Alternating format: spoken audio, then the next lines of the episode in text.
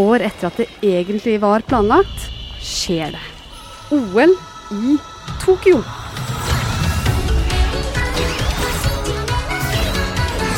Det handler om å presse kroppen til det ytterste for å sikre seg den mest prestisjefulle medaljen i karrieren. Men bak hver utøver så gjemmer det seg også en historie. Og i denne episoden så skal du høre tre historier som preger årets OL. En målbevisst nordmann som nesten ingen hadde hørt om. En deprimert tennisspiller som bukka under for presset. Og OLs første åpne transkvinneutøver. Som ikke bare må holde seg oppe under x antall kilo, men også under tonnevis med kritikk. Du hører på Forklart fra Aftenposten. Jeg heter Ina Swann, og i dag er det tirsdag 3. august. Det er et OL helt utenom eh, det vanlige. Eh, smitteverntiltakene skriker mot oss overalt. Eh, til tider kan det minne mer om en militærleir enn en stor idrettsfest. Og vi ser jo det bl.a. På, på tribunene, der det ikke er noen tilskuere denne gangen. Daniel Rød Johansen, du er sportskommentator her i Aftenposten, og nå er du i Tokyo for å dekke OL. Men aller først, hvordan var det å lande på flyplassen der? Hele ferden gjennom flyplassen består av ni eh, stasjoner. Eh, det er skjemaer som må fylles ut, apper må lastes ned, QR-koder må vises frem, og vi må gjennomføre en spyttprøve. Totalt bruker vi vel tre timer eh, på flyplassen, eh, og vi er først framme ved hotellet vårt fem timer etter landing. Ja, så OL er eh, med andre ord ganske annerledes denne gangen. Det er høy smitte i Tokyo. Flertallet av japanerne vil jo ikke engang ha OL. Eh, og så har det vært demonstrasjoner utenfor arenaene. Men når det først er i gang, så er noe av det som er så utrolig fint med et OL, alle historiene som ligger bak de store øyeblikkene. Og en av disse historiene handler om en helt spesiell nordmann. Du skal på, stå på den pallen i Tokyo? Ja. Christian Blommenfelt eh, åler seg frem mot eh, mål. Det ser ut som han eh, kommanderer beina framover ved å bruke armene. Bak ham ser vi to slanke konkurrenter, mens Blommenfelt har betydelig flere kilo å drasse på. Han har akkurat svømt 1,5 km, syklet 40 km og nå er han snart på slutten av 10 km løping. Kun én ting står i tankene på Blommenfelt. Han må legge konkurrentene bak seg. Derfor legger han inn et helhjertet rykk i jakten på gull. Man ser smerten skrike ut av ansiktet hans, men likevel får han noen meter til rivalene.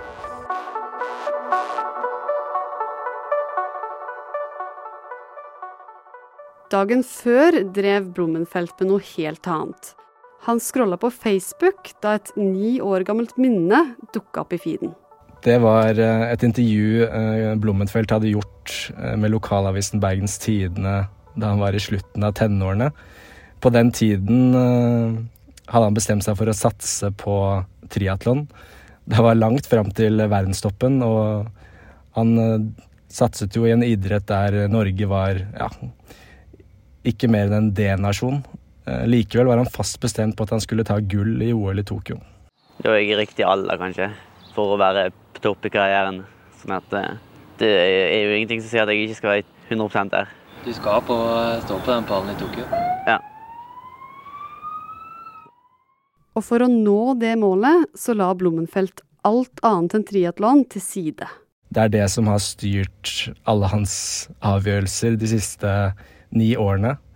Og så er det en viktig del av eh, forklaringen de gir på suksessen selv, eh, er at eh, de har vært veldig opptatt av å målstyre treningen, ha et veldig bevisst forhold til intensitet. Sånn at de sjekker ved hjelp av målinger og pulsklokker hele tiden hvor mye de belaster kroppen. Og det er denne treningsformen eh, gjennom flere år som gjør at Blommenfelt klarer å ta ut akkurat de ekstra kreftene som trengs på veien mot mål i OL. Det store, store målet i ti år minst. Det innfris nå. Han tror det ikke, men det er sant. Blummenfeld begynner å få noen meter til konkurrentene. Han kikker seg over skulderen. Én gang, to gang, tre ganger, flere ganger. Det må ha føltes som en evighet, i hvert fall sånn det så ut eh, fra side, sidelinjen. Men eh, plutselig nærmer han seg mål. Løper de siste meterne, snur seg en siste gang, og han er der, jublende inn mot målstreken og brøler av glede. Olympisk gull! For første gang på ni år tok Norge gull i sommer-OL. Vi ser at han legger seg ned på bakken. Der ligger han i total utmattelse og lykkerus. Han ligger der mens rivalene kommer inn over målstreken bak ham. De står fortsatt oppreist. De hjelper ham faktisk opp eh, før han får en rullestol av en av funksjonærene. Og så, når han har kommet rundt eh, litt forbi målområdet, så må han spy. Og det gjør han flere ganger. Han er så sliten, men han er lykkelig. Vi har jo drømt om å ta gull og prøvd å gjøre alle forberedelsene som kan for å være best forberedt. Men samtidig så er det av og til vanskelig å få det ut på dagen. Veldig, veldig deilig. Ekstremt lettet. Det som er kanskje mest imponerende med det, er jo hvor eh, galskap denne øvelsen egentlig er. Krever en kombinasjon av fysiske egenskaper som egentlig ikke gir noen mening. På den måten er jo Blommenfelt kanskje et av de råeste idrettsmenneskene vi har. Men eh, Daniel, det er jo ikke bare denne historien som har prega årets OL. Nei, OL er full av eh, historier, eh, men det er kanskje spesielt to som virkelig står igjen. Det er åpenheten en tennisstjerne har vist rundt depresjon, og det er en transkvinnes deltakelse i lekene.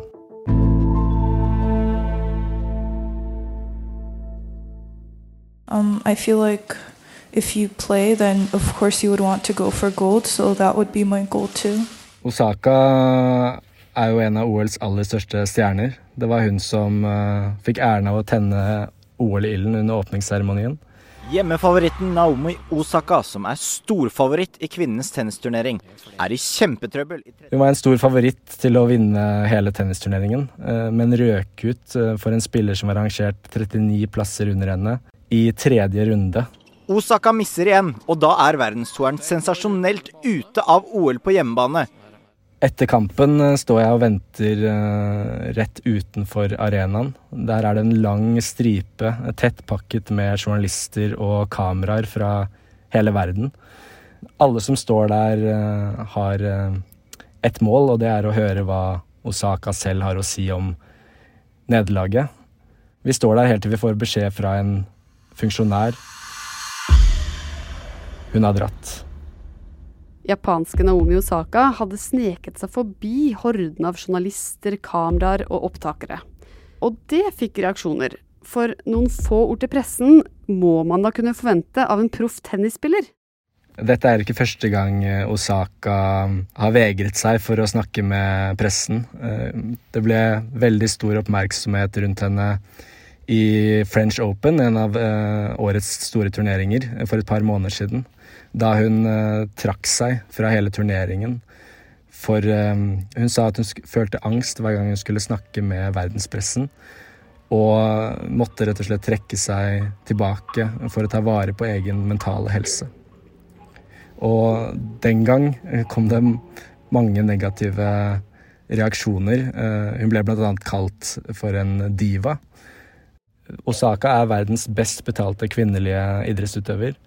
Og da kan man jo kanskje forvente at hun stiller opp eh, og snakker etter et tap. Eh, pressen og oppmerksomheten fra den er jo tross alt en viktig grunn til at hun har den statusen og de pengene hun har.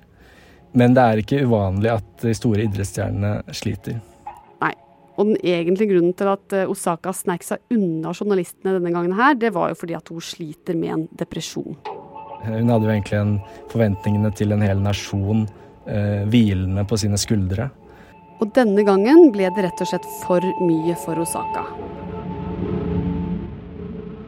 Men etter en stund så klarte hun å gå ut til Daniel og resten av verdenspressen.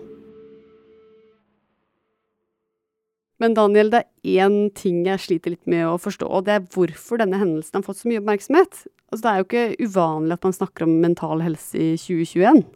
I idretten så har det gjennom uh, historien vært veldig et slags um, utbredt holdning av at du skal bite tennene sammen og bare takle det. Det er jo Man snakker jo mye om det å være en kriger og ha den rette mentaliteten i idretten. Og det er kanskje ikke det første øyekast så forenlig med å være åpen om egne svakheter. Så det at eh, en så stor stjerne som Osaka faktisk tør å åpne seg om dette, kan få betydning for eh, veldig mange som ser eh, opp til henne, og som ser Som kanskje føler seg litt mindre alene. Og denne åpenheten til Osaka, den har jo allerede hatt effekt i miljøet. Ja, Samme dag som Osaka røk ut av OL, så skjedde det noe annet som har fått veldig stor oppmerksomhet. En av OLs eh, aller største stjerner, den amerikanske turneren Simone Biles, valgte å trekke seg fra lagkonkurransen. Hun forklarte det med at hun måtte ta vare på egen mentale helse, og hun sa hun hadde blitt inspirert bl.a. av Osaka.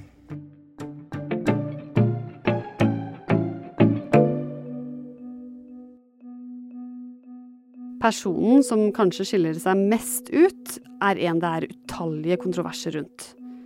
Vektløfteren Laurel Hubbard. I Stillehavslekene i 2019 hadde Laurel Hubbard eh, akkurat vunnet gull.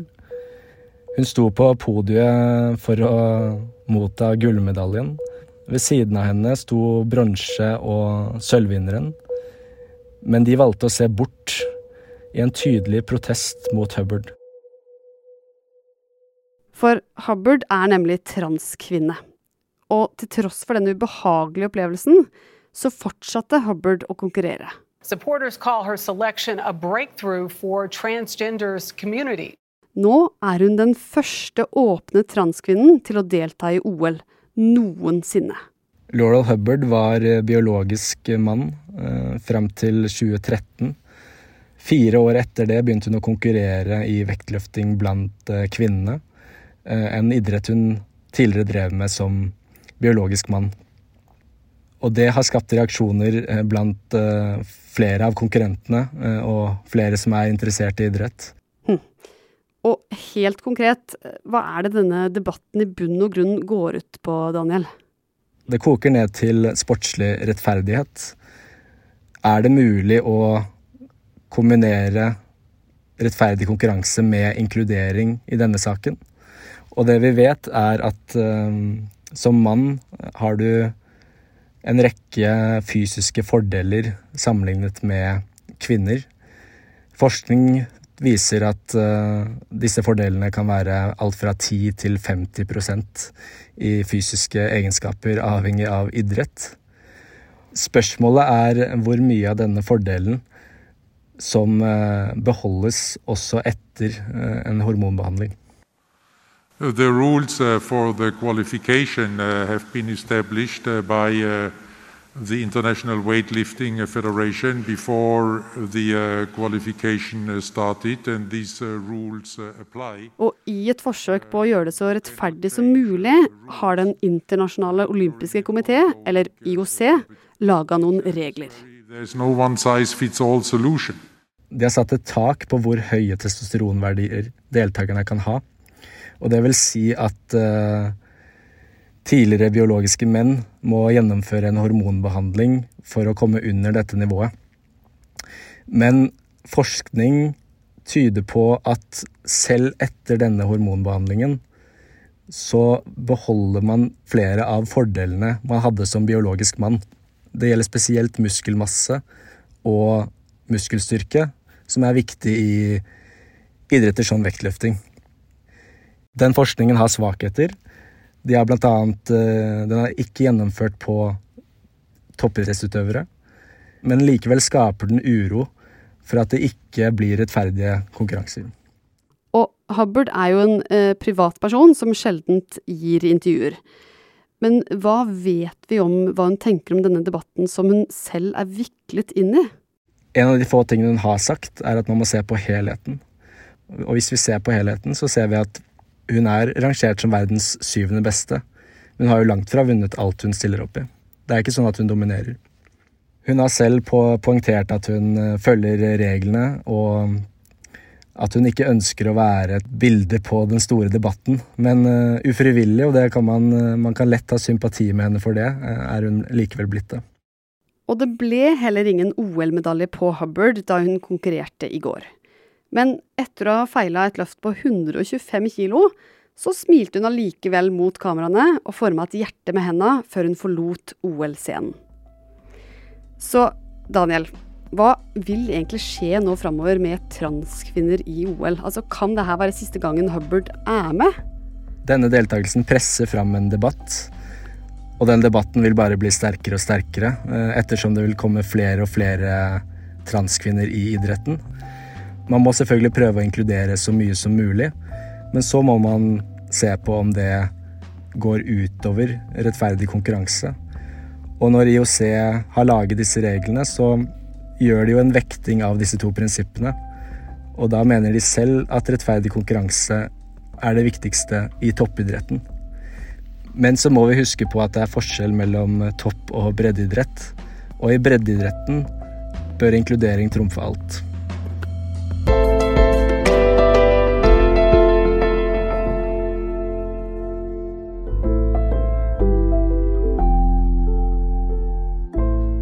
Denne episoden er laget av produsent Peter Daatland og meg, Ina Svaan. Resten av Forklart er David Vekoni, Marit Eriksdatter Gjelland, Anne Lindholm og Guri Leil Skedsmo. Du har hørt lyd fra NRK, AP, VGTV, CBS og den offisielle traileren til OL 2020.